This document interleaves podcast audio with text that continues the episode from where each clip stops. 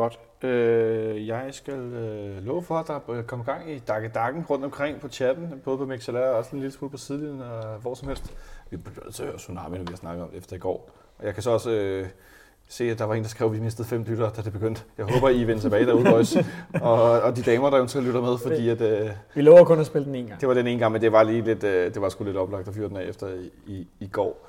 Vi skal tale lidt mere om transfer, og så skal vi tale om noget, vi slet ikke har nævnt, og det er Europa League gruppe, øh, lodtrækning, der blev foretaget her tidligere i dag. Øh, syn- sinderigt system, som gør, at man overhovedet ikke kan regne ud længere, hvad der foregår på grund af noget tv-opdeling videre, som gør alt uforudsigeligt. Men det vender vi tilbage til om lidt. Øh, vi, vi skal snakke lidt om de to andre, som øh, hold i Superligaen og deres gruppespil. Så bliver du sagt med åbne øl, det er op og ned til bordet, skal jeg for. øh, de to andre hold i, i toppen af Superligaen, som jeg betragter som værende vores største konkurrenter omkring det mesterskab, som vi må siges at konkurrere med om i, i, i stor stil i år. Brøndby FC Midtjylland. Jeg synes, vi skal snakke med Brøndby, eller snakke om Brøndby først her, som ifølge øh, Dennis Søndergaard, øh, kommentator på TV3 Sport, han skrev tidligere på sin Twitter-profil, at Brøndby har været stærkt interesseret i Jannik Pohl. Ja, I hørte rigtigt. Jannik Pohl, angriber i OB, ja, Ja, jamen, som jo lidt som Kasper Jeg tager lige en tom øl. Ja, ja. Jannik Pohl, som heller ikke kan score stort set. Øh, men det skulle de være på grund af hans, hans øh, evne til at presse. Men, men jeg bliver jo jeg, jeg bliver lidt grinagtig, så bliver jeg lidt vemodig, når, når øh, trænere gerne vil hente spillere på grund af deres evne til ikke at score mål. Øh, altså ikke at have bolden. Men, men omvendt giver det vel meget god mening, når man ser på, hvor, hvordan Brøndbys spil er faldet i intensitet, blandt andet fordi, at Pukki ikke længere løber med sit lange hår ned i øjnene og øh, solen sort øh, i, i det her evighedspres. At de, de mangler intensitet i deres... Jamen, jeg er da så ked af, at de ikke lykkes med at hente Jannik Pohl. Så de hentet Michael Ure i stedet for, ikke? Øh, fordi det, øh, jeg har meget, meget svært ved at se, at øh, Jannik Pohl øh, sparker nogle mesterskaber hjem. Øh, men, men jeg synes måske, at Brøndby har, har jo, øh, altså nu har de hentet to spillere mere, altså de har egentlig en ganske god offensiv, så de har rigtig mange dygtige spillere, øh, men de har også rigtig mange spillere, altså så jeg, nu er de oppe på måske fem angribere til to pladser. Øh, de har hentet Uffe Bæk, som måske skal spille sig i form efter at have været skadet i, i næsten to år. Det er svært at se, hvordan han skal ind og finde et topniveau, hvis, øh, hvis man roterer hele tiden. Og ja, nu scorer han sikkert øh, hat næste gang. Men, øh, men jeg, jeg tænker, at de måske har lidt for mange spillere, og måske lidt for få, der er helt oppe på den høje klinge her under musikken, kom vi også lige Altså, til jeg, at er jo- tale jeg, om. jo- jeg er jo idiot, Til- Pohl er blevet solgt til Kronik. Ja, han er jo blevet solgt til Groning, øh, Ja, ja. så, så det, det er svært at Byttet med se med en ikke? hollandsk angriber. Bevares. Men, øh, men øh, øh, som øh, Benjamin og jeg, vi lige kom til at nævne under musikken, øh, det hører lytterne selvfølgelig ikke, at det er, Sig det igen. at skide måske kloge. synes, at, øh, at der mangler lidt helt op på den øverste hylde, fordi Mukhtar er der, men han svinger en del, men, men vi har måske lige et par spillere mere op på en hylde højere, til gengæld har de utrolig god bredde. Den bredde, vi savner, har de nok. Men den bredde, Benjamin, er den ikke mest på deres midtbane, hvor de ikke spiller bredt? Haha. Jo, men det, ja. altså, og, og, og det må jo efterhånden være, være bevidst. Jeg tror også, det har noget med den her spillestil at gøre, og det er måske også det, at, at man i den, den måde, som Sorniger han gerne vil spille på, altså at det er der, han slider mest på sine spillere, det er på midtbanen, fordi det var jo det, var jo det samme ved, ved indgangen til sidste sæson. Der havde de også ekstremt mange øh, øh, centrale midtbanespillere. Nu tror jeg, de er oppe på, på, på samme antal. Det er det her med at have en, en øh, syv stykker til, til de her fire pladser, hvor man tænker, det er alle sammen spillere, som øh, skal spille regelmæssigt. Øh, øh, og, det det selvfølgelig det bliver, så, bliver jo interessant at se, øh, hvem der kommer til at, at, at trække det korteste strå der. Det virker som om, at, at Sorniger er, er, meget begejstret for at, at have fået Halimi ind igen. Han har i hvert fald ikke lavet andet de sidste tre uger, end at, end at snakke om ham, hver gang han fik chancen. Øh, så, så man må gå ud fra, at han i hvert fald skal have en, en, en relativt øh, betydelig rolle. Og, og, men omvendt så vi jo i, i faktisk okay store dele af sidste sæson, at han også sad på bænken og sådan ja. så. Han har faktisk været brugt som, som øh, det der kort, når man skulle vende kampen. Ja, sådan en super sub -agtig. Ja, altså, så har man kunne sætte Halimi ind, og så har ham og Mukhtar simpelthen øh, kunne øh, kombineres øh, sammen og gøre spillet enormt farligt, men måske har været defensivt for risikabelt. Og så har man ikke brugt det fra start af. Og det kunne man godt forestille sig, at øh, Kaiser starter kampene, og, og så, bliver, så kommer der en lille fin udskiftning mellem Kaiser og Halimi i, i anden halvleg. Men, men jeg er meget overrasket over, at, at Brøndby ikke, nu blev det jo annonceret øh, allerede for en, en uge eller halvanden side af, af, af Jan Bæk Andersen, som øh, havde åbnet øh, pungen og skulle, skulle til at dele gaver ud, at der ville, de ville hente en til to spillere i slutningen af transfervinduet. Og øh, øh, jeg var 100% overbevist om, at en af de to spillere ville blive en, øh, en midterforsvar. Øhm, så blev det så kunne hjælpe med en, en midtbanespiller mere, og så, så jo, det, der jo i virkeligheden er en kantspiller, øh, altså Uffe Bæk, som jeg så formoder, at de, at de kommer til at bruge i, i deres angreb. Øh, han har fået nummer 9, det indikerer måske også lidt. Og øh, øh, ja, altså, det, jeg, jeg ved ikke, jeg synes bare, det er en mærkelig prioritering. Det er i hvert fald klart i midterforsvaret, at, at de har de største problemer lige nu. Men Hertha, det ikke, jeg synes, det er for underligt, at altså, det, de kan jo også godt se de her problemer i forsvaret. Det er jo ikke nogen hemmelighed. Det er, sådan, altså, det er jo meget, meget tydeligt. Og det er der en af deres store problemer er. Og så, og så henter de kun midtbanespillere. Altså måske Uffe Bæk angriber fløj, whatever, men... Ja, man kan jo sige, at sidste år fik vores midterforsvar også stor kritik, og det er jo ikke altid, det kun er der, det starter.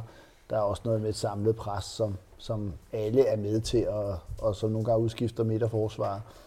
De har måske også været hårdt ramt af, at, at Rykker har haft den her øh, skade. Han har ligesom været krumtappen, og, øh, og så lige pludselig har Kabongo og Hermansson skulle spille sammen, og det er måske også en... Altså, altså, der er vi også ude i, at øh, det er ligesom at Løfner og, og Papagiannopoulos skulle, skulle var... spille sammen. Men der er, også, altså, der, er jo, der er jo flere ting i det, og det er, jo, det, er jo, det er jo nemt at sidde og sige her, men man, der er altså også gør, for, det, gør det alligevel. Også, nej, men, men jeg mener også for Brøndby er der jo også det her i, at, at, at det er jo ikke bare sådan at gå ud og plukke en øh, øh, klasseforsvarsspiller ned fra, fra træet. Altså, jeg, jeg er da helt sikker på, der har jo også været lidt rygter om ham her, øh, Ramani, eller hvad det var, han hed, som, som du nævnte før, Hertz. Der, altså, der har jo været rygter om midterforsvar. Jeg er da ikke i tvivl om, at Troels Bæk har forsøgt at hente en ind. Øh, og det kunne måske så have sendt, sendt en af de her to andre, der har været, der har været rygtet væk af sted.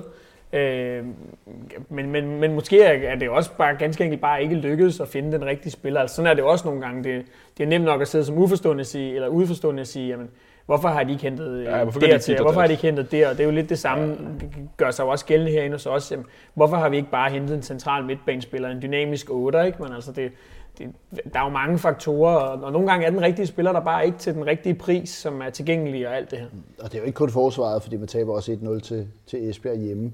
Det tyder også på, at angrebet har... det kan vi har, godt tale lidt om. Ja, altså at de heller ikke helt har kunne ramme det niveau, som man har krævet. Ikke? Øh, så nu er vi også lidt præget af de her to gængkampe, hvor at målene øh, piv ind, ikke? men altså, e- ellers har de jo også haft lidt svært ved at få gang i målscoring. Ja, det vil sige. Jeg synes ikke engang, jeg er så præget af de to kampe. Jeg kan godt afsløre, at deres nummer to kamp mod Genk, der så jeg kun det sidste kvarter, og deres første kamp dernede, der så jeg kun den sidste, de sidste 40 minutter.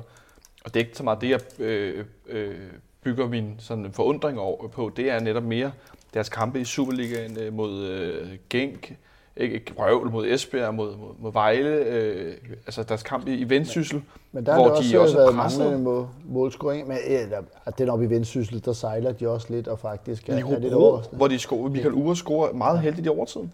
Og, og der, så kan man sige, åh jo, men så, så vinder man, når man er dårlig, og så bliver man bedre på et tidspunkt, og så det ene og det andet. Sådan, men jeg ser bare ikke deres trup i forhold til sidste år tage det her løft i, i flere ja, kampe på samme måde. Sidste år havde de jo heller ikke særlig mange. Altså, der havde de jo også uh, tabt et par kampe på det her tidspunkt, og havde ikke mange flere point. Altså, der var de også et presset hold. Uh, og, og lige pludselig så ramte de den her stime, hvor de nærmest vandt, øh, øh hvad var det, 10 kampe i træk eller sådan noget. Ikke? Og det kan jo nok ske igen, så jeg, øh, jeg er bestemt, jeg sover ikke rolig i natten endnu, men, men jeg, jeg tænker, at det, det er lidt forunderligt, at de henter Uffe Bæk, når man har fire angriber, og, og to af dem er sådan gåsøjne nye, som skal spilles ind, ikke? Øh, så, så virker det underligt. Ja, altså det, det eneste, man kan sige, altså som, som måske kan være det, der er tanken bag det sådan rent spillemæssigt, det er jo, at øh, Uffe Bæk er en spiller, som kan lidt mere på egen hånd, end deres øvrige mm. angriber kan. Men altså, når det så er sagt, så er Uffe Bæk jo simpelthen den største lotto i verden lige nu. Altså han har jo spillet sådan noget 20 kampe på, på tre år. Han har øh, øh, haft den ene skade efter den anden. Altså, så der, er jo, der kan umuligt være nogen, der ved, hvor han står. Øh, heller ikke Brøndby, som lige har hentet ham. Altså, det er selvfølgelig heller ikke et kæmpe sats at, at, at hente en spiller på så kort en kontrakt, men omvendt er der jo heller ikke de store perspektiver i det. Altså, han, han kan jo risikere øh, dårligt nok at nå at få spilletid, inden at, at efteråret om.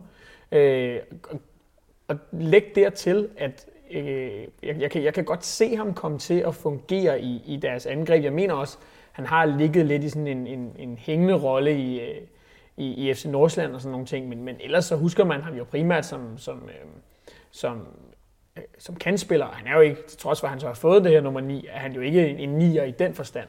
Det, det kan måske godt lykkes, men, men, det, men det, er godt nok et, øh, det er godt nok et sats, og måske et, et, et tegn på, at, at øh, man har haft både en, en plan A og en plan B og en plan C, som, som er gået i vasken, for jeg, jeg forestiller mig ikke, at øh, da øh, Jan Bæk øh, fik besked på fra øh, Alexander Sorniger for en 14 dage, tre uger siden, at øh, han ville have nogle flere spillere, at det var Uffe Bæk, man, man gik efter der, fordi så havde de lavet den handel for længe siden.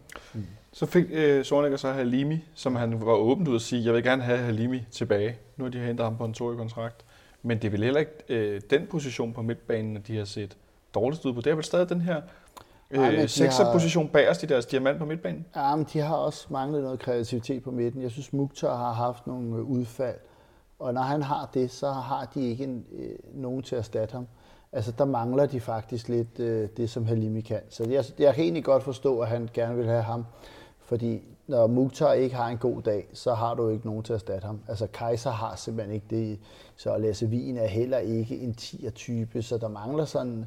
Tibling gjorde det måske egentlig meget godt på den position, men jeg, jeg, han er jo heller ikke en, den type. Han er jo en, en box-to-box-spiller. Ja, og han laver jo heller ikke mål sidst. Det er jo så også det, der Nej. er problemet med ham. Så, så man manglede man mangler den der tier, som, øh, som så ført har givet nummer 5 på ryggen, tror jeg ikke. At det er sådan, øh. altså ligesom vi har en tier herinde, med, eller en ja, 6'er med nummer 10 på ryggen.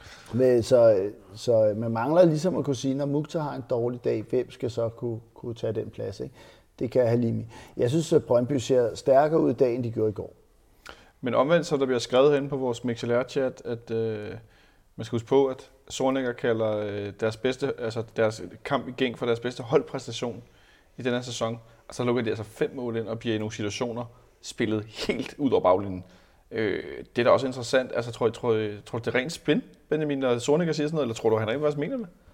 Oh, jeg, jeg, jeg ved det jeg, jeg synes, det er lidt svært nogle gange med de der trænerudmeldinger lige efter en kamp og sådan noget. Altså, det, det, det kan da godt være, at han mener det. Øh, han har de, meget det her med, at han vil hellere have, at de fejler i systemet, når de ikke spiller, som systemet skal være. Det har han jo sagt åbent også efter nogle kampe. Ja, ja. Og, og, altså, jeg, så, jeg så anden halvleg øh, af den kamp, og de, øh, de spiller okay offensivt, men, men, men er bare, synes jeg, øh, og det, det synes jeg, de er i mange tilfælde, jeg synes bare, de er dårligt organiseret, for at være helt ærlig. Øh, jeg, jeg ser lige her, der bliver skrevet lidt om, øh, om forskellige transfers og så videre. Der er godt nok stille rundt omkring Christian Hertz jeg kan ikke lade mig at tænke lidt på, at stor del af det er den største økonomi i, i Europa. Øh, den engelske Premier League, at den har lukket tidligt transfervindue inden sæsonen begyndte. Det må vel også betyde meget for, hvad der ellers sker om, øh, med handler i Europa? Ja, vi, har, vi ser de her øh, dominoeffekter, at, øh, at så drøber det på, på resten hele vejen ned. Ikke? Øh, og det, øh, det har da en stor betydning. Øh, ja, jeg synes, det er lidt ærgerligt, at hele fodbold i Europa ikke lukker samtidig. Det vil jeg synes var mest færre. Det vil også give det sjoveste transfervindue. Jeg synes også, det der nogle gange med, så er det danske lukket, og så er det svenske og norske stadig åben, og så dem, der ikke blev solgt, de går stadig og håber på, at der er en norsk eller svensk klub, der lige kan hive dem til sidst. Ikke? Og, og mindre klubber kan gå og være bange for, at en, en svensk eller norsk klub kommer lige og tager øh, en, en Horsens-spiller i sidste øjeblik. Jeg synes, der burde være en, en dato, der galt hele Europa, og så, øh, så, så var det sådan, og det, det har da også gjort, at der ikke lige kommer en Premier League-klub inden for højre og, og nubber øh, øh, Fischer. Øh, altså, den frygt havde man jo også tidligere, at øh, Crystal Palace lavede et eller andet desperat. altså, og det er da selvfølgelig rart at få 90 millioner i, i klubkassen, men man har jo ikke en chance for at erstatte vedkommende. Nej, lige præcis. Nej, og, og, altså, og det er jo også det, der er, er med til at tage en lille smule af blusset af sådan en, en, en transfer deadline dag her. Der, der er jo ikke i, i noget land, hvor de kan øh, panikhandle på samme måde, som de kan i Premier League, øh, fordi de har så mange penge at smide om sig. Øh, plus at, at, at man sidder nogle gange og får lidt den her fornemmelse af, at der næsten må være kommet sådan en, en eller anden tradition for, at der er nogle klubber, der simpelthen bare, der bare venter Og så øh, møder sportsdirektøren først ind den sidste dag, og så køber han til gengæld øh, fem spillere eller sådan noget. Altså det, var det, det er Rønner, meget ekstremt. Var det Rønner to øh, øh, transfervinduer i træk, hvor Crystal Palace henvendte sig ja. på sidste dagen. Ja. Altså Inden jeg tænker på, at de har alligevel haft et halvt år til at gå og tænke over, om de vil have ham igen, og så venter de alligevel til den sidste dag. Ikke?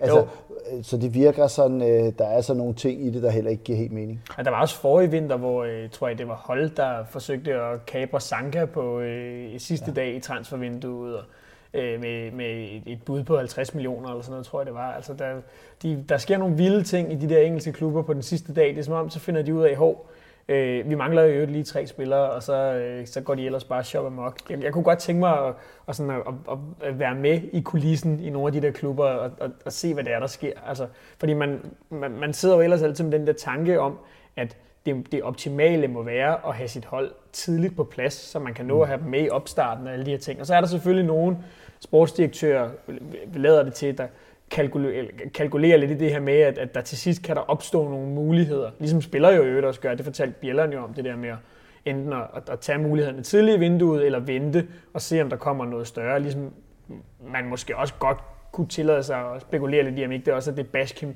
har gjort, og så alligevel er ind med Ja. at tage OB.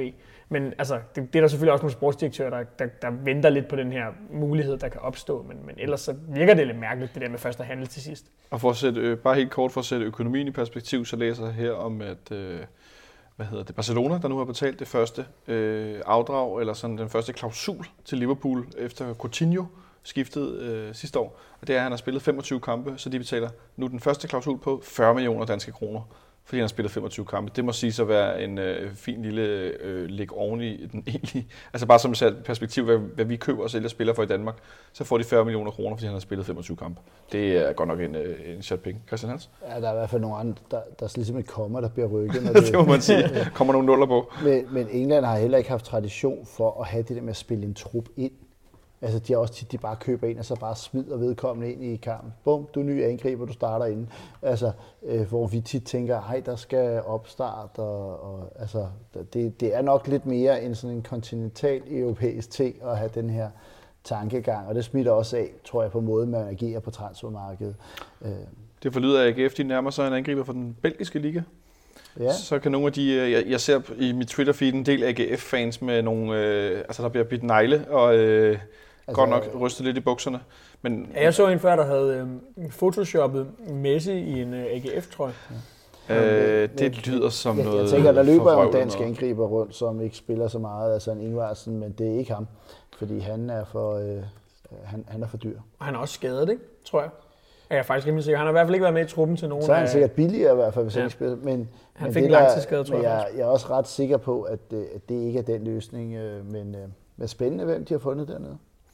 Ja, altså... Øh, De øh, har i hvert fald travlt, ikke? Øh, og, og det samme har Horsens også, og nu når vi taler om engelske klubber, der kommer i sidste øjeblik, så må man sige, at Horsens og AGF, de, øh, de nemt kunne, kunne spille i den britiske øh, championship, både, både i spillefasong, men også i indkøbsstrategi. Ikke? Ja, At det er de sidste øjeblik. Vi, vi, er på sidste time, ikke? altså jeg vil sige, på det punkt, der savner jeg ikke at have Carsten V. Jensen som øh, sportsdirektør. Nogle af de der sidste dages transfervinduer, Ulrik hvor, Laursen viser sig at være fornuftigt. Øh, jeg husker, at jeg var på ferie i Spanien for en del år siden, hvor at vi, i det vindue, hvor vi henter Rui Gisler som blandt andet, der blev godt nok øh, shoppet på de sidste dage. Der sad på en, en, en, net, Skulle du lige minde mig om ham? en Du netcafé. skulle lige minde mig om. Ja, jo, øh, det islandske Instagram-hit øh, for, øh, for damer i øh, specielt Sydamerika.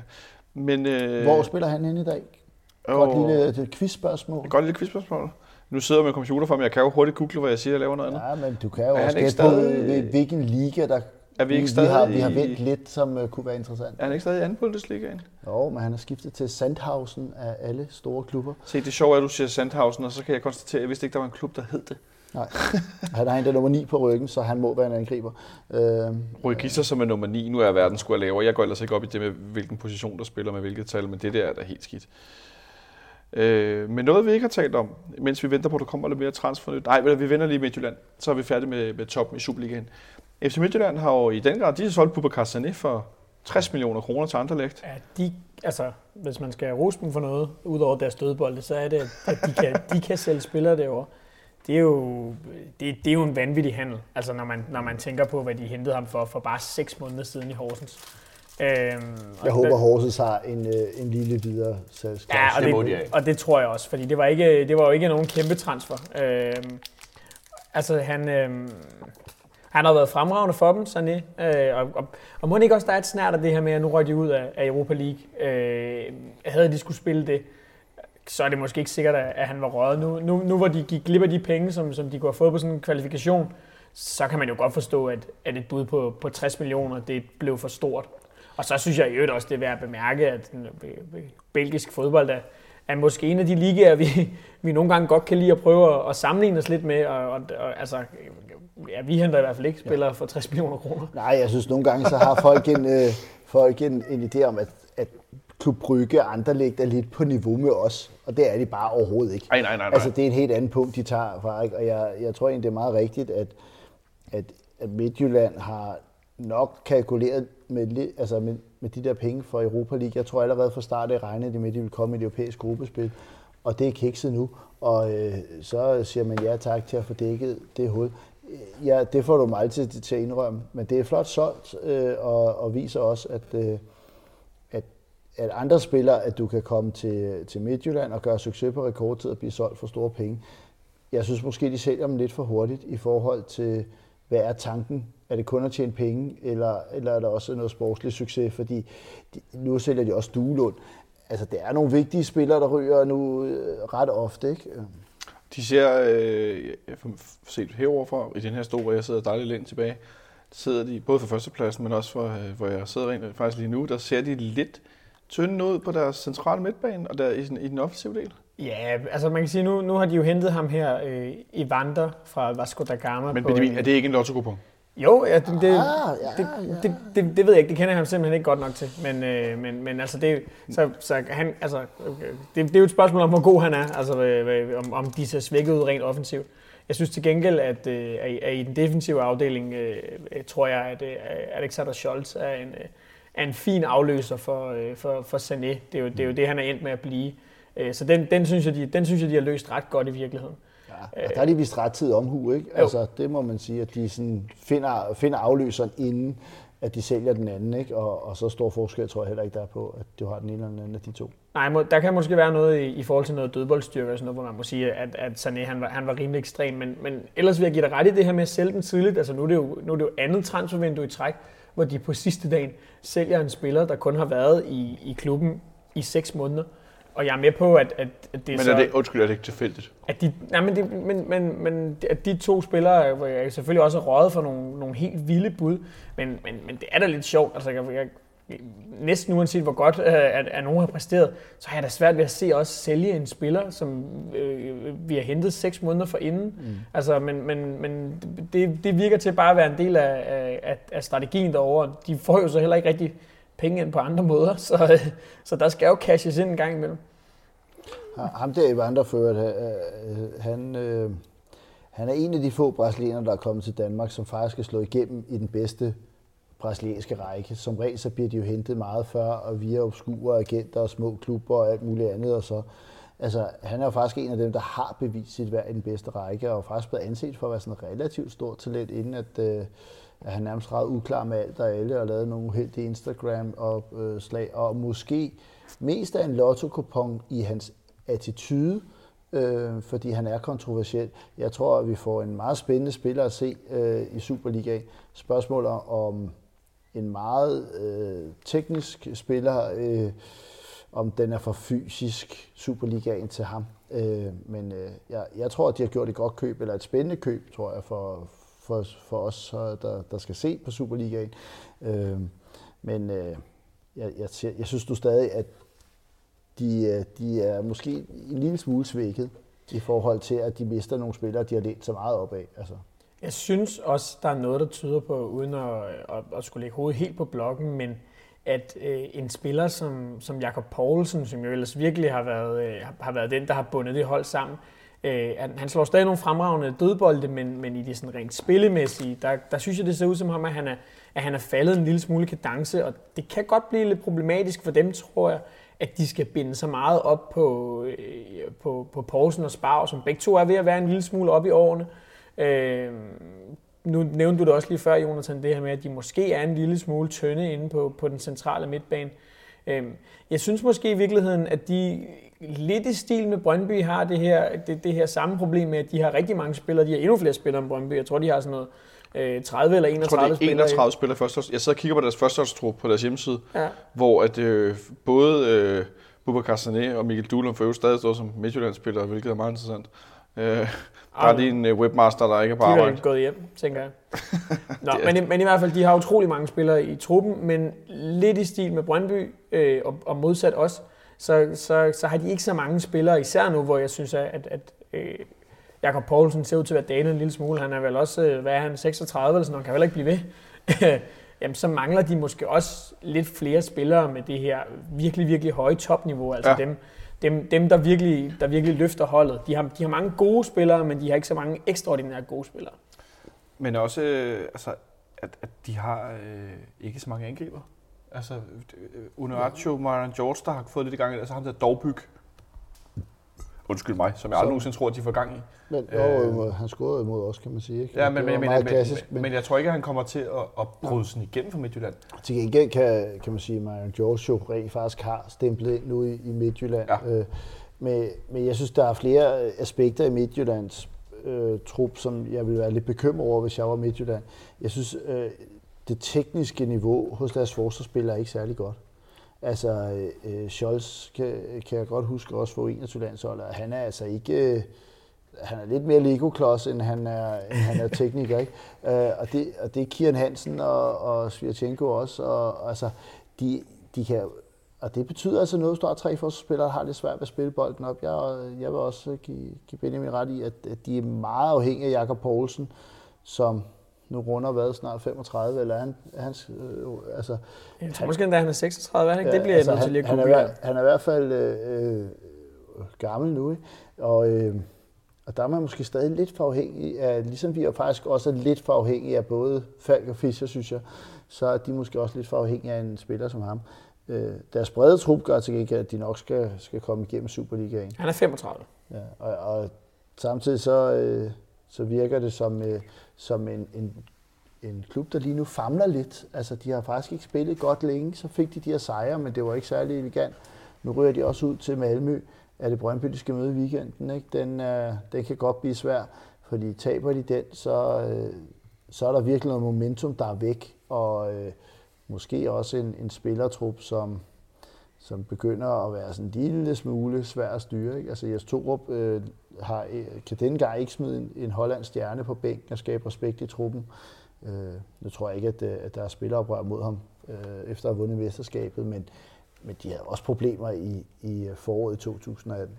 Benjamin? Det, det er jo øh, det her med, der, med deres, den måde, de har spillet på. Det er jo lidt øh, påfaldende, at de nærmest har spillet øh, deres bedste kamp her øh, imod Randers, hvor at, øh, de spillede stillet med et halvt B-hold. Det, det var stort set deres bedste præstation i sæsonen indtil videre, sådan rent spillemæssigt. Og hvor første halvleg ikke var imponerende. Altså, jeg, sad så ikke, jeg sad ikke og tænkte, hold da kæft, nu er Midtjylland tilbage.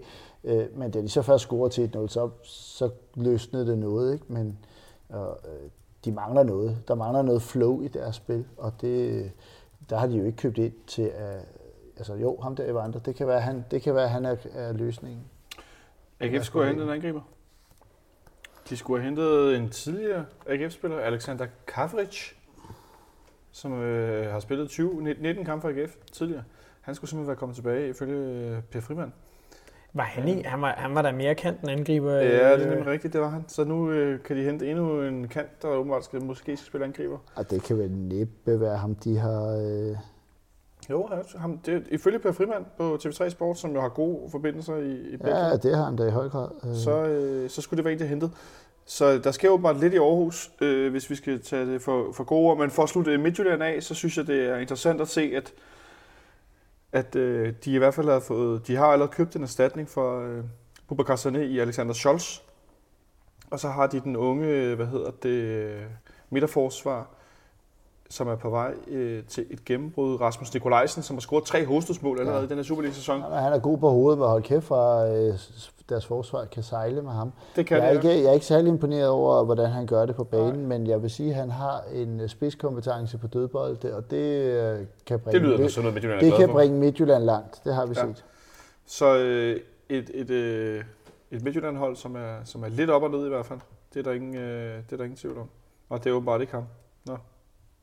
Ja, ja, jeg siger ikke mere Hvad nu? om AGF. Det er noget... Øh, Det var sludder, eller hvad? ja, øjensynligt, men Ja. altså slutter er der masser af her. Nej, de leger en angriber, der hedder Ryan M-M-A-E-E. Kom så lige to. Hvordan siger man Ryan M-M-A-E-E?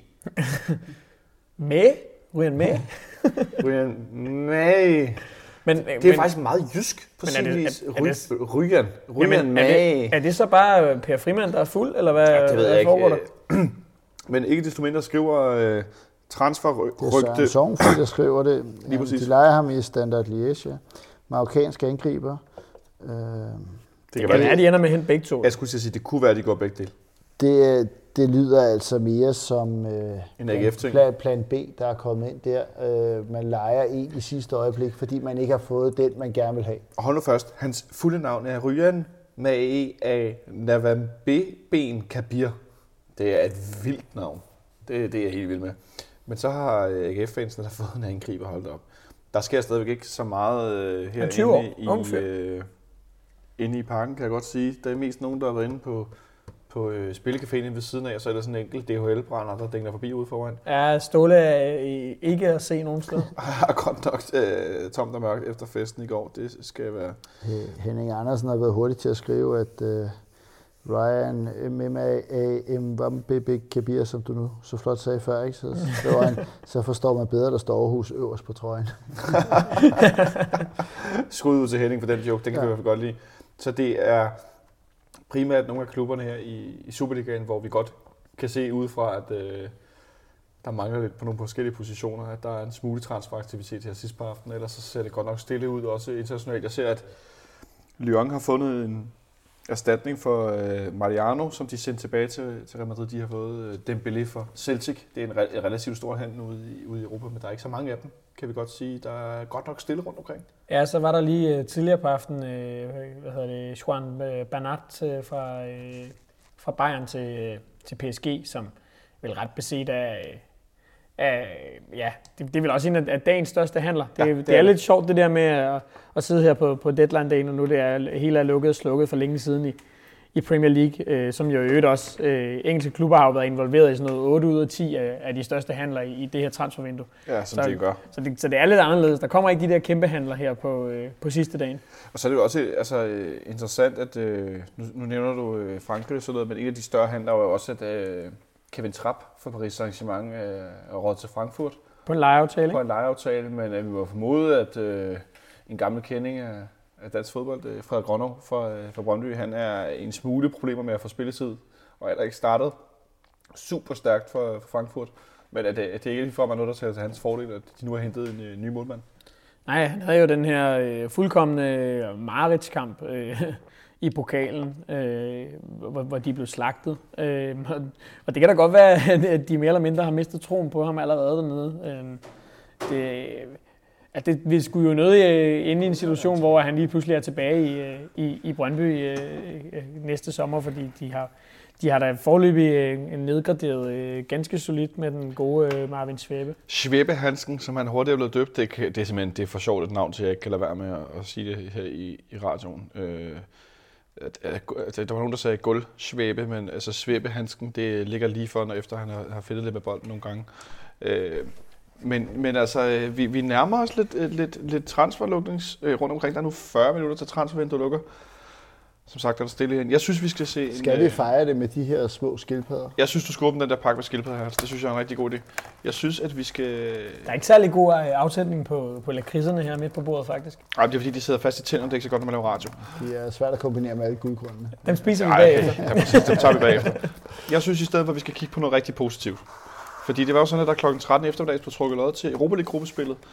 En lodtrækning, der er blevet besværligt gjort af, at man har givet også her tv enormt meget magt.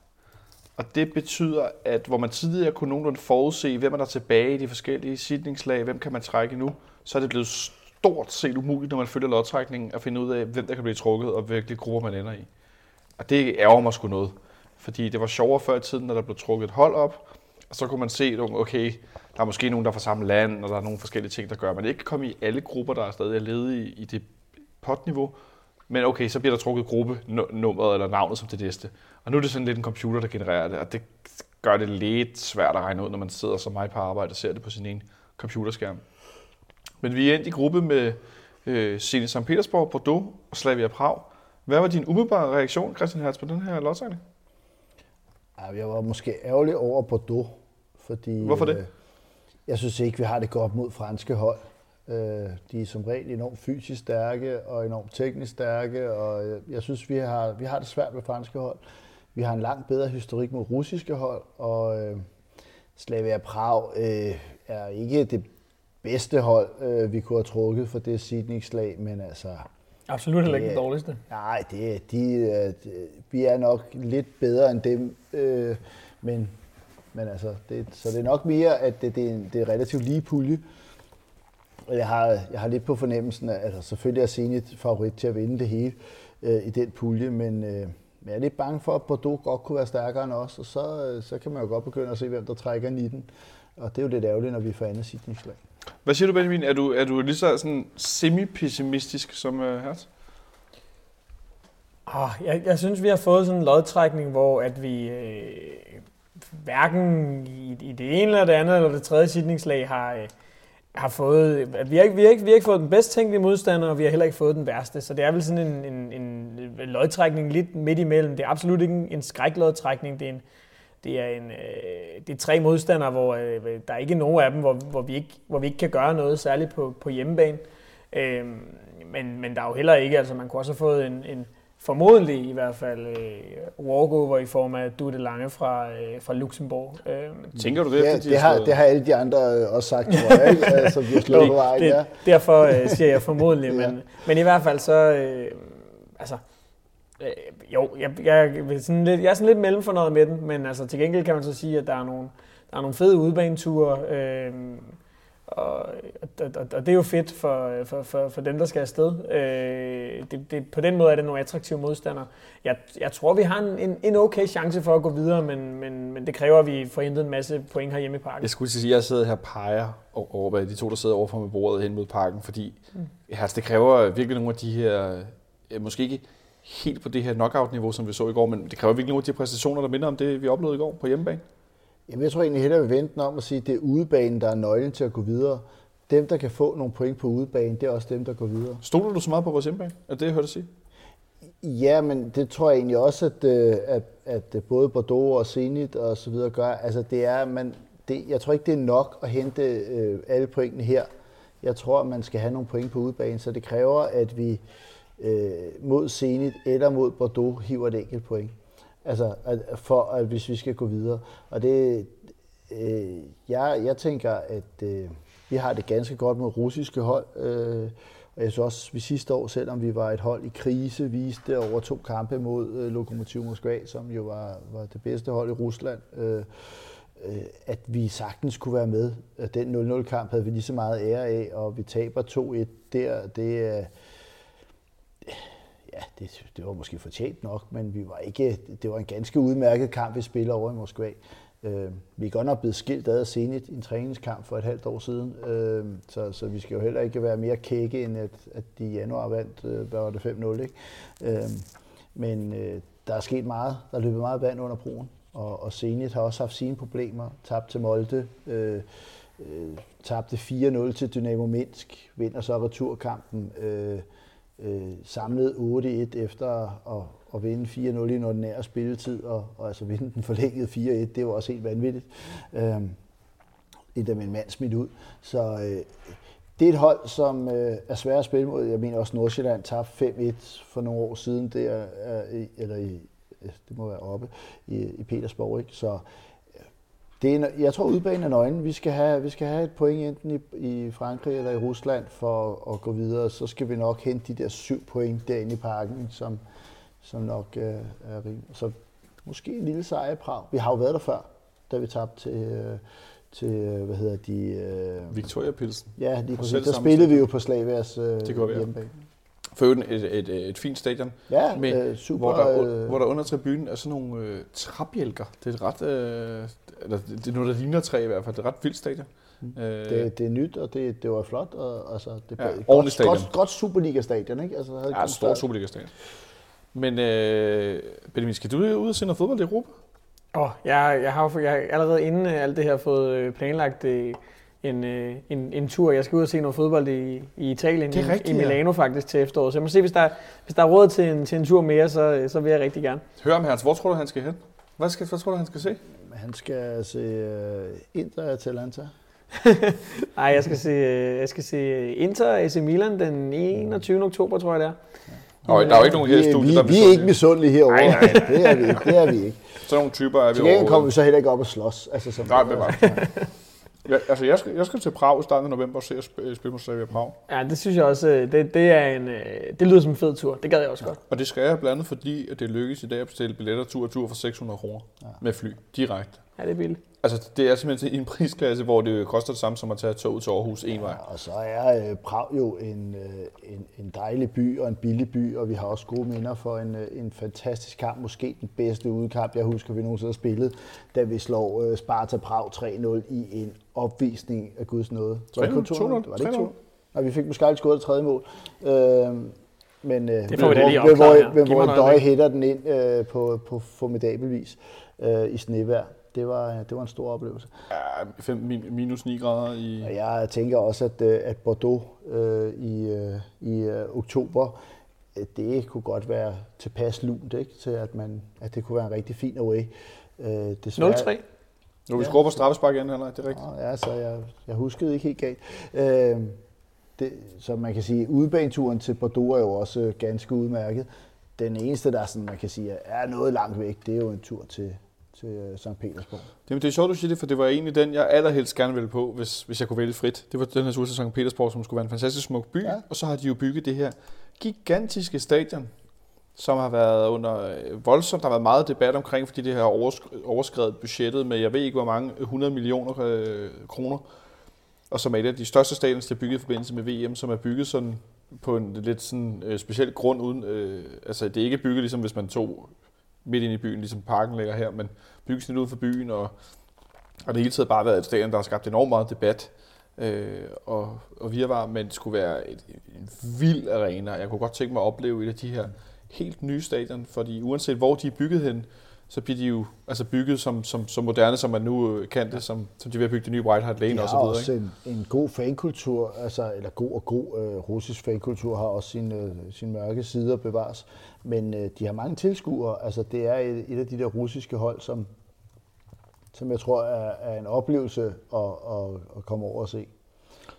Uden tvivl. Øh, så vi har trukket de her tre hold, som styrkemæssigt ligger lidt sådan rundt om os på den ene eller den anden måde. Øh, et, et, et Zenit-hold, som så også omvendt de har solgt, øh, øh, hvad hedder det, Danny, eller Dani, om man vil, til ingen ringer end Slavia Prag, hvis jeg ikke tager meget fejl. Øh, det er lidt, lidt ironisk, at der så også er et, et, et tidligere klub, klub rundt skifte der. Øh, Ja, lidt som vi de, sammen med de må også have et lidt mærkeligt øh, forhold. Altså, Men er han ikke væk igen? Og han er allerede videre. Ja, det var sidste sommer. Og, okay, Ja. wow. Så nu blev det sent. Jeg fortæller som nyheder fra sidste år. Hold da op. det, du, skal, Undskyld du mig. skal lige trykke på F5. Og jeg trykker lige F5. Hvis min mikrofon er meget stille de næste 10 minutter, så er det fordi, jeg øh, genstarter. Men der er, jo, der er jo en interessant historie omkring Slavia Prag, som øh, øh, jo øh, havde, altså de var jo helt nede i, i kulkælderen og får øh, en, en, en pengestærk mand, ind, som blandt andet er med til at hente lystner til klubben, og de får ligesom det her mesterskab ved hus, øh, men har så ikke rigtig kunne holde på de her profiler, og øh, nu, er, nu er de vel sådan et, øh, et, et, et godt tjekkisk hold, men et stykke for Victoria Pilsen, som er stukket for alle de andre.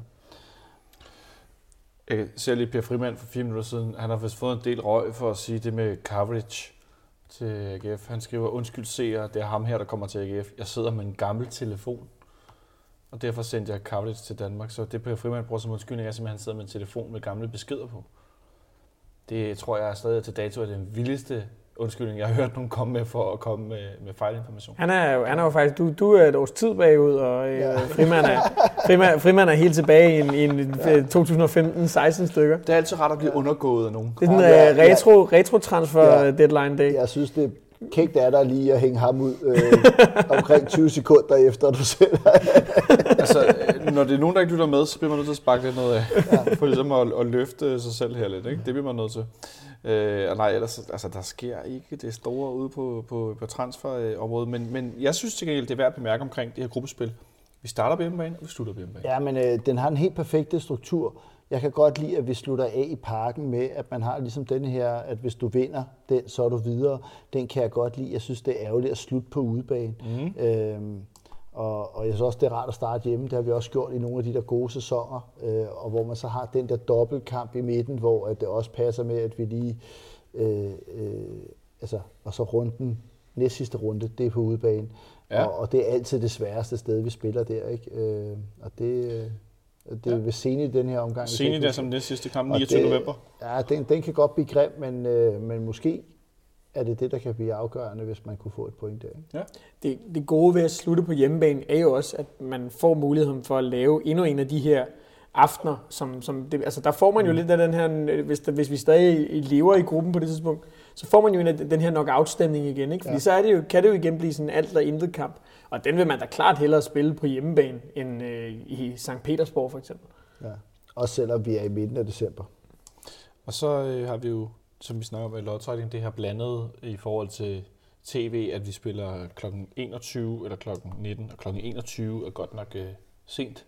Så slutter kampene ikke bare sådan ved halv 11 tiden, så slutter de altså nærmest kl. 11. Det er, det er godt nok nogle sene kampe, vi blandt andet har på, på hjemmebane allerede her 20. september, hvor vi møder sent i den første kamp. Men øh, jeg tænker også, at 13. december kl. 21 mod Bordeaux på hjemmebane, det er godt nok en... Øh, det, så er der helt sikkert tændt lys i parken. Det er godt nok en, øh, det, er jo, det er nærmest midt om natten i december måned. Det er godt nok magt. Øh, det, det, det, er lidt specielt alligevel, det her sådan meget sene kampe, men så er der noget mere tv. Ja, jeg, jeg synes, det er, det er for sent, øh, når e, efter at øh, der er kommet en, en del børn til, så, øh, så står jeg tidligere op og går tidligt i seng. Nå, så, så du tænker på dig selv, når jeg tror, du tænker på stadion? Der, øh, nej, men jeg tænker, at jeg nok ikke er den eneste, der har børn her i, i tilværelsen. Så, øh, det, det er sent kl. 21 til, til 23. Øh, omvendt så synes jeg, at nogle af de her 18.30 kampe har været lige tidligt nok i forhold til at være på arbejde. Ja, det var det. Så øh, det er lidt svært at finde den balance, og de vil jo meget gerne have ligesom sådan en dobbeltrunde, så der netop er øh, to tv-tider, ikke? og det... Øh, må, måske vil det være bedre at spille dem over to dage, og, øh, end at have øh, så mange kampe til to tider. Men så, sådan er det. Øh, og øh, altså det er koldt nok i forvejen. Jeg tør ikke tænke på, hvor, hvor mange grader varmt der er i, København 13. december. Det er kvart i øh, 11. Nej, lige præcis. Men inden vi når så langt, altså jeg vil selvfølgelig anbefale folk at tage ud og fodbold. Jeg kan forstå ved at læse både på sidelinjen og på vores MixLR-chat, at øh, det er lidt svært at komme til St. Petersborg. Der er ikke længere noget direkte fly det er også lidt svært at komme til Bordeaux. Det er noget med noget mellemlanding. Ja, man kan jo øh, flyve til Beijing og tage den transsibiriske jernbane. Tilbage. ja. og så kan man vel så skal du også tage afsted nu, ikke? Så, så kan du være der gang i 2022, ja. så kan det være, at jeg også når at opdage det. Men det kan være, at den der Bordeaux-tur, så er det vel sådan noget med, at man skal flyve til Lyon, tror jeg, eller sådan noget den stil. Ja, præcis. Ja. Eller Biarritz, og de flyver stadig dertil. Øh, og Biarritz ligger lige ved den, det er, det er sådan en feriedestination med SAS flyver direkte til Biarritz, der der ligger syd for Bordeaux. Men lad os se, om Så det var et lille insider-tips til 200 øh, lyttere. Hertz Øh, lad os se, om ikke, øh, hvad hedder det, også fanklubben øh, kommer ind over på den ene eller på den anden måde. Og hvis ikke andet, når man altså kommer der til med noget bus-transit og så videre, det er de i hvert fald været rigtig, rigtig gode til de sidste par sæsoner, når vi har været ude i Europa. Men øh, jeg synes faktisk, at vi skal kigge lidt øh, på det, det hjemlige område, øh, inden at øh, vi nærmer os her øh, midnat og tale en smule om øh, den her kamp, vi skal spille på søndag. Fordi at, øh, nu så vi i går, da Nikolaj Bøjelsen og Victor Fischer blev udskiftet i, i den forlængede spilletid. De lignede nogen, hvor batteriet var som man kørte i minus 10. Det var ikke engang fladt, det var helt, helt, helt i bund. Øh, og vi skal jo spille allerede igen på søndag øh, i Esbjerg. Christian Hertz, øh, er vi ude i simpelthen, at alle, der kan roteres ind i startopstillingen, de bliver det?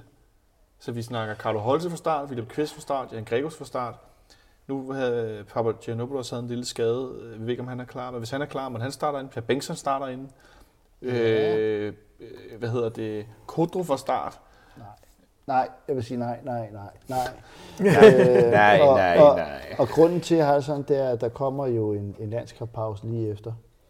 Og øh, det vil sige, at vi har ikke noget at spare spillere til. Så, øh, så vi skal ikke tænke en kamp længere frem vi skal kun tænke på denne her kamp. Så det er alle, der er klar til at spille på søndag, de skal spille. Øh, øh fordi så kommer pausen øh, med landskamp. Ikke? Ja, der er landskamp. Der er landskamp ja, og det, og det synes jeg giver et andet perspektiv. Øh, så så hvis, man, hvis man er klar til på søndag, så skal man spille. Øh, til gengæld så, øh, så er det jo selvfølgelig en kamp, hvor at, øh, der er nogen, der ikke er klar. Og, og det bliver ikke en nem kamp, fordi Esbjerg har nu med, med 3-1-0 sejr, tror jeg, er i træk. Ikke? Øh, øh, altså, de vinder på Brøndby Stadion, de, de vinder op i Aalborg. Altså, de, de har fået gang i et koncept, der nu virker. Og snedet sig op i top 6. Ja, og desværre er det jo sådan, at det åbenbart er nemmere at få point i Superligaen ved at spille øh, henholdende eller have en god defensiv struktur, end det er at give den lidt gas og slippe speederen. Og, og det, ja, men det gør bare, at, øh, at vi møder et hold, der de har ingen, ingen forpligtelse til at underholde, når de møder os. Men tror du ikke også, mange af de hold, de holder det, træder lidt på bremsen det, så tidligt i sæsonen i forhold til at opbygge det her defensive, defensive struktur, som vi har set så meget også, og talt så meget om, at vi skal have opbygget herinde. Det er vel også noget, de, de mindre hold gør? Jo, men sådan gjorde de ikke i starten. Der kom de med en anden tilgang og, og sætter en 3-0-føring over styr mod øh, Randers, og så øh, sadler de om, og det viser så lynhurtigt at give, give dem point på kontoen. Jeg, jeg synes, det er lidt ærgerligt, at så mange hold de får, de får succes med at bare have en defensiv struktur. Det ville være rart, hvis man blev belønnet for at spille offensivt. Det lyder lidt absurd, når vi har haft Ståle herinde i så mange år, som jo havde et par år, hvor man godt kunne sige, at det var migræne bold, hvis vi var lidt øh, men. Det, men øh, Esbjerg er vel også, øh, jeg man skal sige, tynget af, men de vil også øh, en smule hæmmet af at have solgt øh, Anders Dreyer til, til Brighton for en kæmpe stor brugspenge, deres klart bedste offensive kort. Ja, men øh, siden da har de jo så hævet været 9 point, ikke? Og, og øh, altså, så der er kommet den der modreaktion, ikke? De sadler om, de øh, lukker af, og så scorer de det ene mål, som er nok. Og det er altså, øh, hvis de nu skulle møde Vendsyssel øh, på hjemmebane, så havde de måske en anden tilgang til kampen. Nu kommer København, som lige har øh, slået Atalanta ud. De, øh, der er ingen på stadion, der bliver utilfreds med, at, øh, at de øh, prøver at spille til 0 og score et heldigt mål. Så det kan godt blive en svær kamp for os, og derfor har jeg heller ikke lyst til at skifte syv spillere ud og stille med sådan et øh, lidt ala reservehold, øh, som, som mod Sønderjyske. Der tror jeg så, at det er lidt svært at komme til Esbjerg og møde sådan et hold, som lige nu har momentum og tur ind. Hvad siger du, Benjamin? Hvor meget tror du, vi øh, roterer i startopstillingen? Hvad, hvad, Oh, jamen jeg, jeg, jeg synes også, det er lidt svært at, at, at, at sidde og forudsige. Altså det, ja, det er jeg med på. Det er derfor, som, du får spørgsmål. som, øh, som, som, som Hertha inde på, så, så er der jo den her landskampspause, som gør, at, at det bliver lidt anderledes, end det ellers ville have været. Øhm, må ikke, at vi kommer til at se en, en, en to-tre udskiftninger eller sådan noget, men jeg tror heller ikke, det bliver mere end det. Det er klart, at, at, at der nok vil være nogle spillere, som, som måske stadig er så mærket efter, øh, efter kampen i, i går, at, øh, Øh, at, at man vurderer, at, at, at altså, der kan jo også være øh, simpelthen nogle, nogle skadesindssyn og sådan nogle ting, hvor man skal øh, sørge for ikke at overbelaste folk. Og, så der, der, der, der, der kan være nogle ting der, man skal tage hensyn til, men ellers så tror jeg heller ikke, vi kommer til at se så mange. To, to eller tre spillere ved at skyde på. Jeg, jeg, jeg må indrømme, jeg tror altså, vi roterer nogle flere. Jeg tror simpelthen, der er nogen, der har så, øh, så trætte ben efter torsdag, så, så de, de kunne godt, øh, kan godt øh, blive skiftet ind eller sådan lidt, eller også skal de starte ind og så, øh, og så spille max en time eller sådan noget. Men, er det, det er også lidt svært at afgøre herfra, hvor, hvor trætte ja, det er, for det afhænger jo lidt af, hvordan løber de rundt til træning i morgen og sådan nogle ting. Ikke? Sandt nok. Men, men der tror man jo, altså Erasmus Falk øh, bliver alligevel skiftet så tidligt ud, at man kan håbe på, at han er klar. Fischer spiller jo heller ikke hele kampen, og han har jo et eller andet G, der siger, at han vil spille hele tiden. Ikke? Ja. Øh, en døje ligner en, der ikke er til at slide op. Så er der øh, transfer i Superligaen. Der er man nok mest bekymret for, fordi han netop spiller hele tiden. Ikke? Transfer, ja, transfer i Superligaen. AC Horsens fortsætter indkøbsrated og henter Michael Lump i Lønby. Nu jeg læst godt ham på vej væk. Ja. Michael Lump. Det, uh, okay. de skulle ændre ham på en, en treårig kontrakt. Det er da, jeg, jeg, jeg, jeg synes, det er voldsomt interessant, men det, Horsens har der i gang i uh, at hente nogle spillere.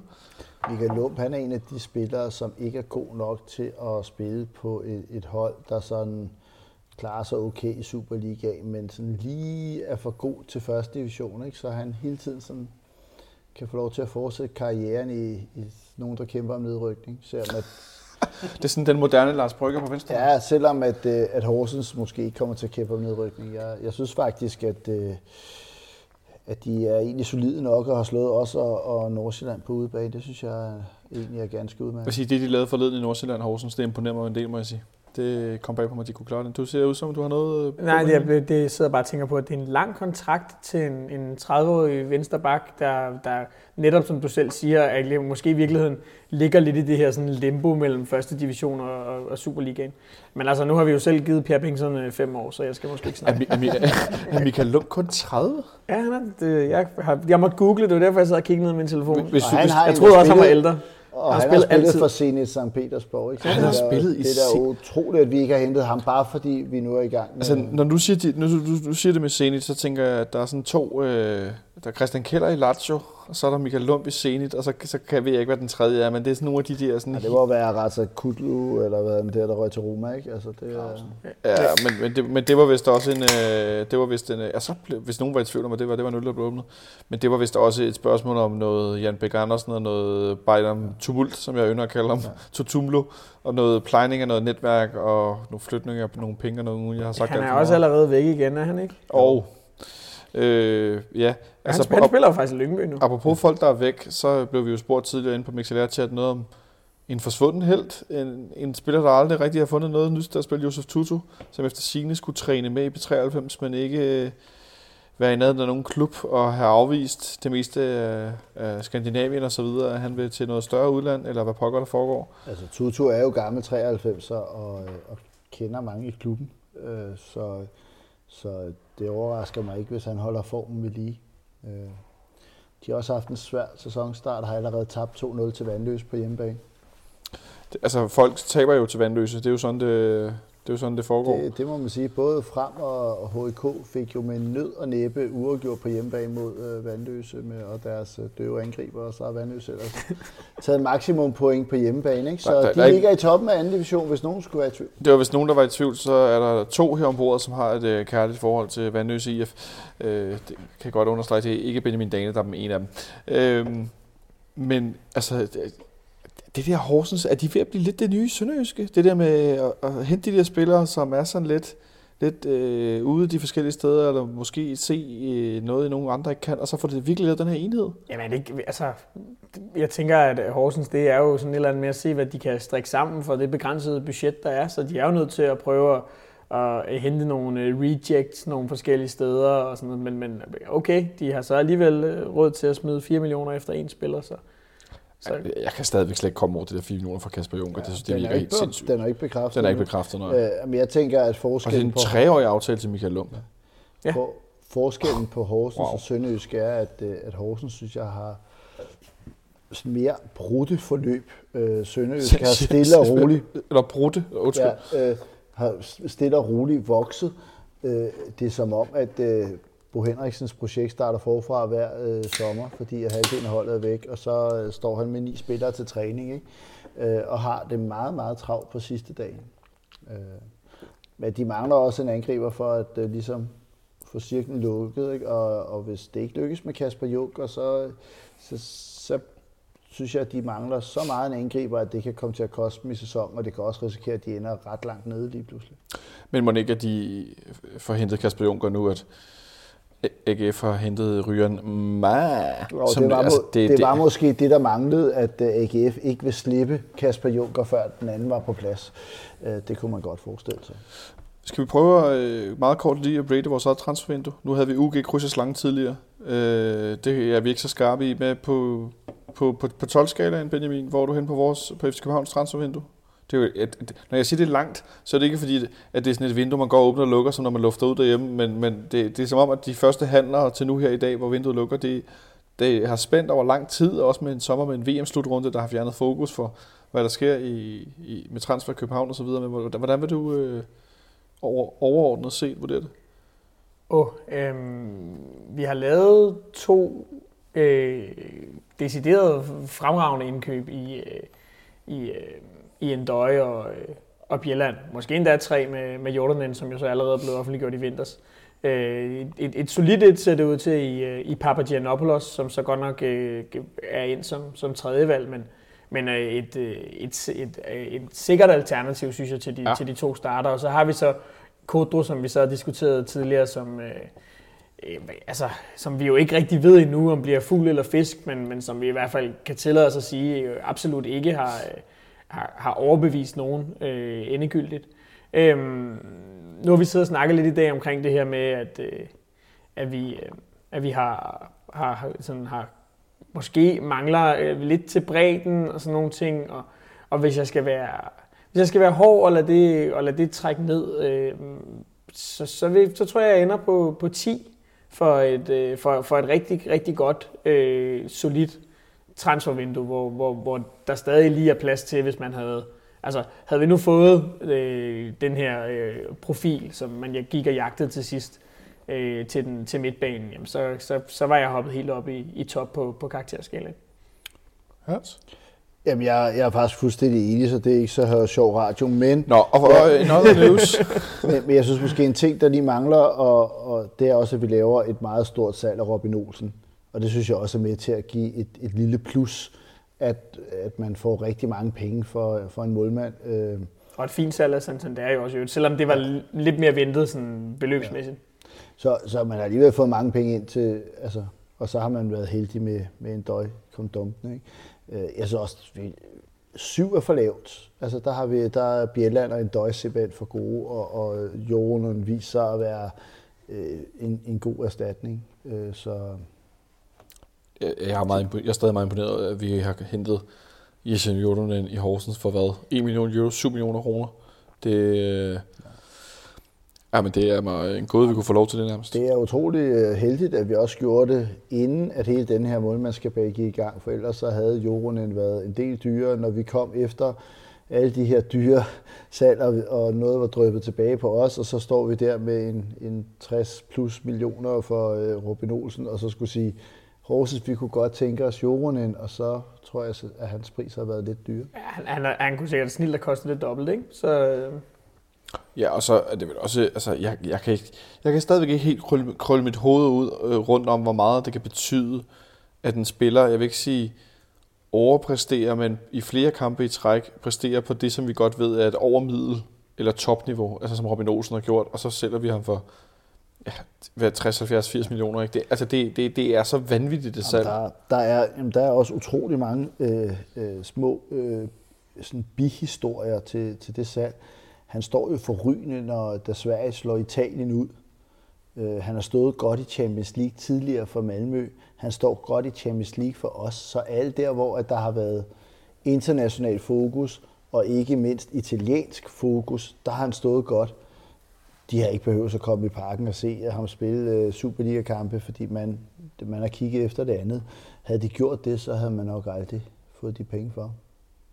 Nej, det lyder meget rigtigt, men jeg må, jeg må indrømme, jeg er også øh, temmelig tilfreds. Altså, Andreas Bjelland øh, indkøbet er jo, det har vi godt nok snakket meget om det, men hvis ikke vi skal snakke om, snakke om det i dag, så ved jeg ikke hvornår, men altså, det er, også når vi sammenligner med, med Midtjylland og Brøndby, som vi talte om før, altså det der med at styrke centeraksen, og styrke den sådan øh, op igennem banen, men ikke kun i, i nogle kæder, det, det synes jeg er noget af det, jeg bider mest mærke i, at, at man henter stærke spillere ind, som både er profiler på og uden for banen i, i alle kæder, og det, det gør mig altså øh, det er tryg, selvom at truppen måske ikke er den bredeste. Nu så vi sidste år, hvad det kunne betyde at få skader på rigtig vigtige positioner, måske været for meget rundt i det, men, men, men der er alligevel sådan, øh, der er sådan en tryghed i den, den, den form, der har lige nu. Ja, men der var nogen, der var ked af, at Erik Johansson tog til, til Stockholm. Øh, Erik og, og, og, og Djurgård. Nå, men altså ikke fordi de skal forklare det, men jeg kan men, næsten ikke men, huske men, men i dag, der er der jo ikke nogen, der har lyst til at, at vil bytte ham med Bjelland. Altså, så, så set i det lys, så har det været et, øh, et, et sublim køb, fordi Bjelland har været den helt rigtige person at få ind i den forsvarskæde, og simpelthen ændre øh, noget, som så usikkert og ustabilt ud, til bare at være et, et øh, plankeværk, øh, der, der i den grad kan stå, stå imod, og også rigtig gode hold. Og så synes jeg, at, øh, at en døje viser, at, øh, at han har alt det, som vi har brug for i, på måden Ståle spiller, men også mentalt mod Sønderjyske. Han laver en glidende takling, og så står han bare og skriger til de andre, kom nu, ikke? Altså, der, der er kommet noget vindermentalitet ind på det hold, som, øh, og en tro på tingene. Og vi ser også, at, øh, at de andre spillere, de vokser jo øh, lige så stille og, og ender med at få det gamle niveau. Peter Ankersen er et godt eksempel. Han kan ikke, øh, altså, han kan ikke rigtig klare at, at være den, der skal løfte holdet, når det er modgang. Men når det går godt, så har han faktisk et ganske sublimt topniveau. Øh, og, og det, det der måske har været lidt for mange spillere, der havde det sådan. Så ja, jeg synes, det er helt rigtigt. Altså, Bjelland, han, han står måske for det mest vigtige indkøb i virkeligheden. Vi har en lytter i Mexidær-chatten, uh, Troel Johnson, der spørger, om uh, vi tror, det var meningen, at uh, Papagenopoulos skulle ende som uh, tredje valg. Altså om det var meningen, at han i virkeligheden var købt som starter, eller om han var købt ind til også at have den her gruppe af spillere, den her gruppe på en position. Øhm, ja, altså, jeg, jeg tror umiddelbart, at øh, der efter, efter træningslejren, og lige da, da Bjelland kom ind, der, der har jeg en, en fornemmelse af, at, øh, at Papagiannopoulos, det synes jeg faktisk også blev, øh, jeg kan ikke huske, hvilke medier jeg, jeg læste i, men, men at, at bedømme på træningslejren og sådan nogle ting, så så det ud som om, at han skulle starte inden. Men, men der er Dennis Vavro, som, som vi jo så, så har talt så rigeligt om i dag, jo øh, bare kommet fra, fra andet gelede, kan man sige, og, og, og har overhældt ham, fordi han har gennemgået den her forrygende udvikling. Øh, så nej, jeg, jeg tænker umiddelbart, at, øh, at Papagiannopoulos var, var købt ind til startopstillingen. Øh, og, og, og, og så er det bare, altså, der, der, den kan han sagtens kæmpe sig tilbage i, det, det er jeg slet ikke i tvivl om, men, øh, men, men lige nu er han altså tredje valg. Øh, og så til heldigvis et, øh, et meget kompetent et af slagsen. Ja, det vil jeg også sige, fordi at lidt, altså, der er i modsætning til for eksempel uh, Kodo, der er kommet ind, så er jeg jo ikke i tvivl om, hvad Papagiannopoulos' spidskompetencer er. Jeg tænker også, at det, det, det er stærkt at se en, en spiller komme ind på den måde og være meget tydelig i sit spil. Ja, meget. Øh, han virker som, at han til gengæld har skal lige lære at tøjle temperamentet en smule. øh, men øh, jeg synes, det er meget imponerende, hvordan han øh, fungerer godt med begge ben.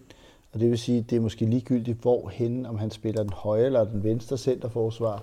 Og det er jo øh, virkelig rart med sådan nogle spillere, som, øh, som kan spille begge pladser, fordi det er ved Gud ikke alle, der kan lige skifte. Selvom man skulle tro, at det ikke betød noget, hvor man spiller ind, så gør det det.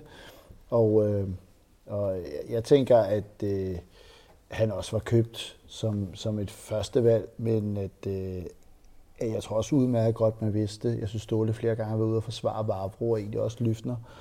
Og, øh, I, I allerhøjeste grad begge og, to, ja. Og der, der, så, der fik Lyfner jo så lige en chance, og gjorde det øh, ikke særlig godt, og så virkede det som om, at så lagde han sig fast på, at det skulle være Bjelland og Varbro, og, øh, og så må de andre ellers tage sig takke med, med, med kampe. Spørgsmålet er, om Lyfner overhovedet får nogle kampe, men øh, øh belært sidste år, så skal man ikke have en skade i centerforsvaret inde i den situation, man så med, da Johansson var ude. Det var for presset, og det er jo grunden til, at man ikke har solgt ham. Men det er vel også, Benjamin, et meget godt billede på, øh, som her sætter ind på, øh, det der med at være for presset sidste år, men at, at, at vi kan måske lidt bedre tåle at rokere en spiller ind fra en fløjposition til en central midtbane, end vi kan tåle at skulle rokere Bøjlesen ind som øh, centerforsvar. Ja, ja, absolut. Altså, det, det, det er da klart, at, at det er jo ikke at, altså, det er jo ikke i det centrale forsvar, du, du helst vil skifte alt for meget ud. Øhm, øh, så, så ingen tvivl, men, men og, og, og slet ikke skifte ud i, i, i den forstand, at du skal ud og hente spillere, som øh, i virkeligheden begår sig bedre på andre positioner. Altså, øh, vi har også tidligere øh, set øh, både Christoffer Remmer og Thomas Delaney sådan, øh, øh, panikvikariere dernede øh, med noget blandede resultater. Øh, og den situation skal vi bare ikke ud i igen, og nu kommer der til at være mange kampe i efteråret, og, og nu har vi siddet og snakket lidt om bredden, men lige netop midterforsvaret er jo, er jo et af de steder, hvor man, hvor man ikke behøver at være bekymret overhovedet, og altså, øh, skulle vi ende med at, at, at måtte stille en, en, en Superliga-kamp eller tre med, med Michael Lyfner i, øh, i midterforsvaret, jamen så sådan som resten af holdet fungerer nu, så er jeg heller ikke så nervøs. Altså det, det er heller ikke, måske heller ikke i virkeligheden helt utænkeligt, at han også kunne komme til at, at, at fungere bedre i den, øh, synes jeg godt, man kan tillade sig at sige, relativt velsmurte maskine, som, som vores hold efterhånden er blevet. Så øh, hvis nu vi skal lukke den her snak om kampen på søndag, som vi så småt begyndt her med 6 minutter tilbage af transfervinduet den her omgang. Øh, Hvordan tror du så, det kommer til at gå på, på søndag, Hans? Uh. Jamen, det tror jeg, vi vinder 2-0. Øh, bum, bum, så var det ligesom sat på plads. Men altså, øh, jeg vil jo sige, at Esbjerg har, har faktisk vist sig at være meget, meget svære at bryde ned. Så derfor er mit øh, bud måske også lige lovligt urealistisk, men øh, jeg er simpelthen svært ved at have nej-hatten på oven på gårdsdagens kamp. Det vil også være rimelig, øh, hvad skal man sige, øh, imponerende, hvis du kunne trække en nice sombrero ned Ja, over der, hovedet. der er mange, der taler om, at nu er vi i Europa, og det kommer til at koste. Jeg kan kun mindes øh, sidste sæson, som, øh, øh, hvor et Europa-eventyr har kostet os. Ellers har det altid trukket os op. Det har gjort os stærkere. Det har gjort, vi har taget tempoet med ind. Øh, og I Superligaen, ikke? Ja, og, og øh, altså, der er så mange gange, hvor vi også har spillet Champions League og bare blevet endnu bedre i ligaen. Og jeg tror, det her har, øh, jeg har den fornemmelse, øh, end jeg havde den for sidste år. Jeg tror ikke, det kommer til at koste os alverden, at vi er i Europa. Tværtimod, så giver det os måske noget endnu mere selvtillid til det her hold. Og det tror jeg, kampen i går gjorde. Vi har transfer Kasper Junker til Horsens. Så blev den officielt. Det der. Fem minutter i... Øh, det er skide godt, gutter, som Bo Henriksen vil sige. Ja. Så, Ja, jamen, Der, der er jo ingen tvivl om, at AGF øh, gerne lige vil have en eller anden angriber ind, inden man øh, sendte øh, Kasper Juncker videre. Og jeg tror, at øh, øh, dem, der er allermest tilfredse med, med de sidste øh, par timer af transfervinduet, må være AGF og har fået fire, hvis de har fået 4 millioner for Kasper Juncker. 4 Øh, millioner for Kasper Junker, det er godt nok imponerende. Og spændende, hvad, hvad ham her, øh, standard spilleren er. Ja. Ja, Ej, det er bliver- simpelthen, undskyld, men det er simpelthen for sjovt, at et hold i Jylland køber en spiller, der havde noget i stil med, hvad? Ja, og mål scoret til 1-0. Ja, Ja. ja. Ej, undskyld, nu bliver det fjollet, men det er sgu da lidt sjovt. Benjamin, øh, kamp på søndag, hvordan tror du, det kommer til at forløbe? Jamen, så, så, øh, så, så tager jeg simpelthen øh, det bud, som øh, Hertz, han var øh, lidt for sådan fredags øh, euforisk til at, øh, at, at, at også- gå med. Det må, Jeg har også fået et par øl, øh, så Stemningen blev høj, og nej, her den var så, forsvundet. så jeg går med 1-0 til os. Du går simpelthen med 1-0. Hvordan tror du, udtrykket bliver? Altså, øh, jeg kan ikke lade være med at tænke andet, end vi kommer altså blive presset i det store del af kampen. Eller ikke store del, men i del af kampen. Ej, jeg, jeg, jeg, jeg ved ikke, altså jeg, jeg, jeg tror også, man skal passe på med at overvurdere det her med. Altså jeg ved godt, at det var en hård kamp på 120 minutter og alle de her ting, men mm, altså, øh, det er godt nok også noget andet at spille mod Esbjerg, end det er at spille mod Atalanta. Øh, jeg tror, vi kommer til at, at køre den, det bliver ikke sprudlende, men, men vi kommer til at køre den relativt sikkert hjem 1-0. Øh, mod et, et, et godt organiseret Esbjerg-hold. Det, det bliver ikke øh, sindssygt underholdende, det er jeg sikker på, men, øh, men det bliver Det er, du, det er du simpelthen sikker på. Det eneste, jeg er sikker på, er, at det ikke bliver underholdende. Men det, det så tror jeg jer, der tænkt jer at tage til Esbjerg, ja, øh, eller bare tænde på fjernsynet. Glem det. Lad være med det. husk at sidde op, så du ikke falder i søvn. så, så en, en 2-0 sejr, en 1-0 sejr. Øh, hvad siger du, Jonathan, herover? Eller siger, formulerer du? Formulerer 1-0? Mm. Ja, jeg tænker, at det ikke betyder, at Esbjerg vinder 1-0. Nej, det gør det ikke. Øh, og jeg tror, vi spiller 1-1. Kan jeg godt sige, og være helt kedelig. Men, øh, Det er nok heller ikke et urealistisk resultat. Jeg kunne godt forestille mig, at kampbilledet for Aarhus godt kunne gentage sig i Esbjerg. Jeg kan først sige, at øh, vi, var nogle, vi var ingen, der gættede på 0-0 i forbindelse med kampen i går. Der var nogen af os, der gættede på, at vi vandt. Det godt være også, men øh, det var i den ordinære spiltid, og det tæller altså ikke rigtigt med strafspark. Nu er det simpelthen, hvad er der, fire minutter til transfervinduet lukker? Skal vi lige ind og, øh, hvad hedder det, øh, F5 øh, FCK.dk? Jeg skulle til at sige, øh, jeg, jeg, altså, jeg, jeg tror ikke, Der var en bil ude på parkeringspladsen, der, var, der vendte lige før, ikke? og øh, det kan være, at vi ikke så en, øh, en spiller lave rullefald ud af, af bilen og, og kravle hen til privathospitalet. Øh, men, men noget af det interessante ved den Esbjerg-kamp bliver jo, hvordan vi stiller op. Og det, bliver, altså, det er jo ikke til at forudse, øh, fordi der er måske nogle spillere, der er så trætte. Ikke? Men man må da håbe, at, øh, at vi kan have øh, et, et spændende hold, fordi øh, der er også nogle spillere, jeg ikke tror får så mange kampe på udebane, for eksempel, og sådan noget. Ikke? Altså, en, en Pierre Bengtsson, en, en Roerslev får ikke vildt mange kampe, når vi, når vi skal øh, og sammen også på midten. Ikke? Øh, Ej, men så rammer vi også de her pokalkampe og så videre. Jeg, jeg, altså, hvis truppen ikke bliver større, og det er der, Men Soterio starter ind, det er jeg sikker på. så, så, så, der, så det, er der ikke, det er der ikke meget, der tyder på. Så tror jeg, altså, at mange af yderspillerne også kommer i, i kamp. Ja, men jeg tror ikke, det bliver en udkamp i Esbjerg. Jeg tror mere, det bliver de der hjemmekampe i parken mod de mindre hold, eller pokalkampe, eller en tur i Vendsyssel. Jeg tror faktisk, man har relativt stor respekt for Esbjerg. Så, øh, så det bliver ikke sådan et, et halvt kuponhold, det tror jeg faktisk ikke. Et halvt kuponhold. Det er et godt udtryk. Det tror jeg, vi skal arkivere til, til, til en anden gang. Ja, jeg sidder her og kigger lidt på ude for at se, om der sker noget, men jeg skal heller ikke lade mig at tænke, at en, et transfervindue-lukning i Danmark, hvor det største, der sker, er, at AGF sælger en spiller til Horsens for 4 millioner kroner. Ikke? Det er godt nok heller ikke øh, særlig ophidsende. Nej, men der er vel heller ikke rigtig flere klubber, der står og mangler øh, en, en spiller længere. Er de fleste ikke Det kommer på, hvem man, med- øh, hvem man spørger. ikke? Altså, vi, øh, vi, vi ville da gerne have haft en midtbanespiller. Bombe ville da gerne have haft en forsvarsspiller. Jeg er jo personligt en lille smule skuffet over, at der på intet tidspunkt i, hvad hedder det, i løbet af den her aften har været meldinger om, at øh, nu har øh, Claus Steinlein øh, inviteret hele ja. hvad hedder det, Ekstrabladets øh, tv-hold. Øh, ja, hvad, hvad har vi her? En tegning af... For, for, for, for, det er for Odset, det er for Odset, der har lavet det, vi, det vi sidder og kigger på er Claus Steinlein, der øh, lurer på spillere i Brøndby. Med en stor Øh. kigger, der er penge, der flyver ud af lommen. Men altså, det, jeg, jeg har bare altid, når transfervinduet lukker, så føler jeg efterhånden, at det er en tradition, at Claus Steinlein han stiller op øh, uden foran sit kontor over i Herning. Øh, og så har han et eller andet tv-hold live igennem, og så står han og griner smørret, mens han siger, at øh, han kan ikke øh, fortælle noget, men der kommer nok til at ske et eller andet i FC Midtjylland, inden øh, transfervinduet lukker. Øh, det, det plejer sådan at være nogenlunde sådan, det foregår. Men tror du ikke, Claus Steinlein han fik sin tv-tid i går, da han fik snakket endnu en gang fik talt. Først så fik han sagt inden deres kamp mod Malmø, hvor de ud, at øh, han drømte om Milan og Manchester United og hvad det ellers var, han sagde for nogle tre store klubber. Hvorefter de ryger ud til Malmø. Øh, altså, Jo, altså det, det, det fik han da givetvis. Men det er, jeg synes i hvert fald bare, at det også er, altså også når man tænker på, hvad der, hvad der var af, af aktivitet ud øh, over i Herning i dag, jamen så, så er det da lidt bemærkelsesværdigt for et, for et hold, der, der gerne laver øh, indkøb på, i, i sidste øjeblik, og, og har gjort det i flere transfervinduer. Øh, de sælger for 100 millioner i dag alene, øh, og, og der sker ikke rigtig noget den anden vej. Og du googler lige Steinlein og ordet drømmer, og så dukker det op for den 16. juli, hvor han udtaler, vil tage point for Barcelona og Real Madrid. Ja, men han, altså, hvad hedder det, i øh, okay. okay. onsdags ville han jo også i gruppe med Chelsea og AC Milan og Arsenal, og Ja, lige præcis de tre, han nævnte. det kræver så, at man kvalificerer sig.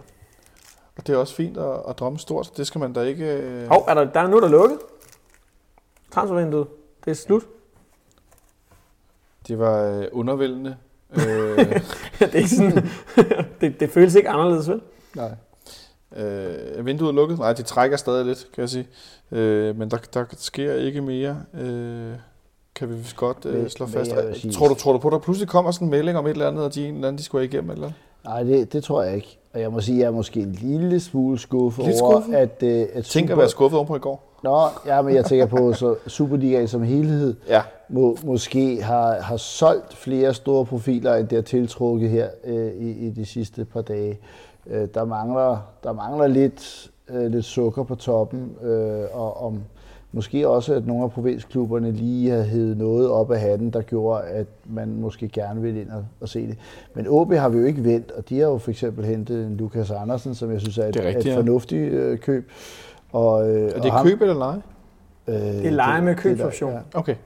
Wow. Han, han, var Tak. røget, han var røget lidt ud af holdet i, i Zürich, øh, øh, så, og så har ham der Tom, hedder han, hvad?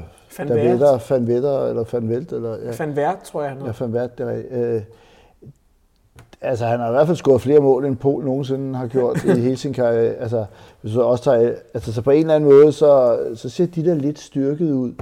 Øh, og det, øh, de har fået lidt flere strenge at spille på. Og det, det tror jeg kan blive lidt interessant. Øh, for det var et af de hold, der har overpræsteret, synes jeg.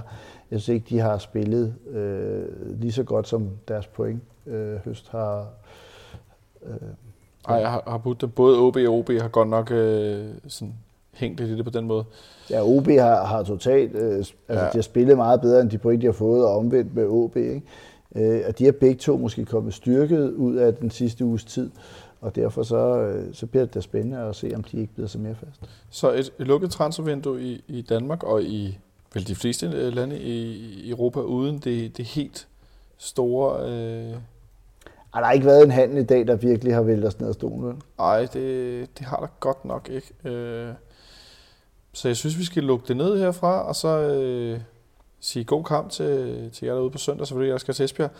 Og så ikke mindst tak til alle jer, der har lyttet med i løbet af aftenen og har skrevet en masse spørgsmål og har haft gang i god debat på både på sidelinjen.dk og inde på MixLR-chatten, og der har været en lille smule på Twitter også. Det er super fantastisk, I har lyttet med og kommet med input og holdt os opdateret, og jeg ved ikke det ene og det andet. øh, Det har været super fedt. Jeg håber ikke, det har, der har været for meget rumklang og for meget øh, mikrofonknaseri og så videre. Vi synes, at øh, vi er ved at nå et punkt, hvor lyden er til at holde ud og høre på. Vi vil selvfølgelig altid have bedre lyd. Vi er jo aldrig tilfredse. ligesom vi er gerne med vores øh, fodboldhold. Det kan altid blive bedre. Men øh, jeg håber, at det har, været, det har været til at holde ud og høre på. Og så øh, skal jeg selvfølgelig sige tak til Benjamin som altid, fordi du kommer ind og gør os alle sammen klogere. Selv tak. Og så ikke mindst øh, den, den hjemvendte søn, Christian Hertz. Tusind tak, fordi du kiggede forbi. Det var en fornøjelse. Det er også, øh, der siger tak for øh, fornøjelsen. Tak til jer derude, der lyttede med endnu en gang. Og så øh, god kamp derude på søndag. Vi lyttes ved på mandag, og så holder vi os også en lille landskampspause, mens øh, der er sådan en, der øh, lige trækker vejret lidt. Vi, øh, vi ses derude. Ha' det godt så længe.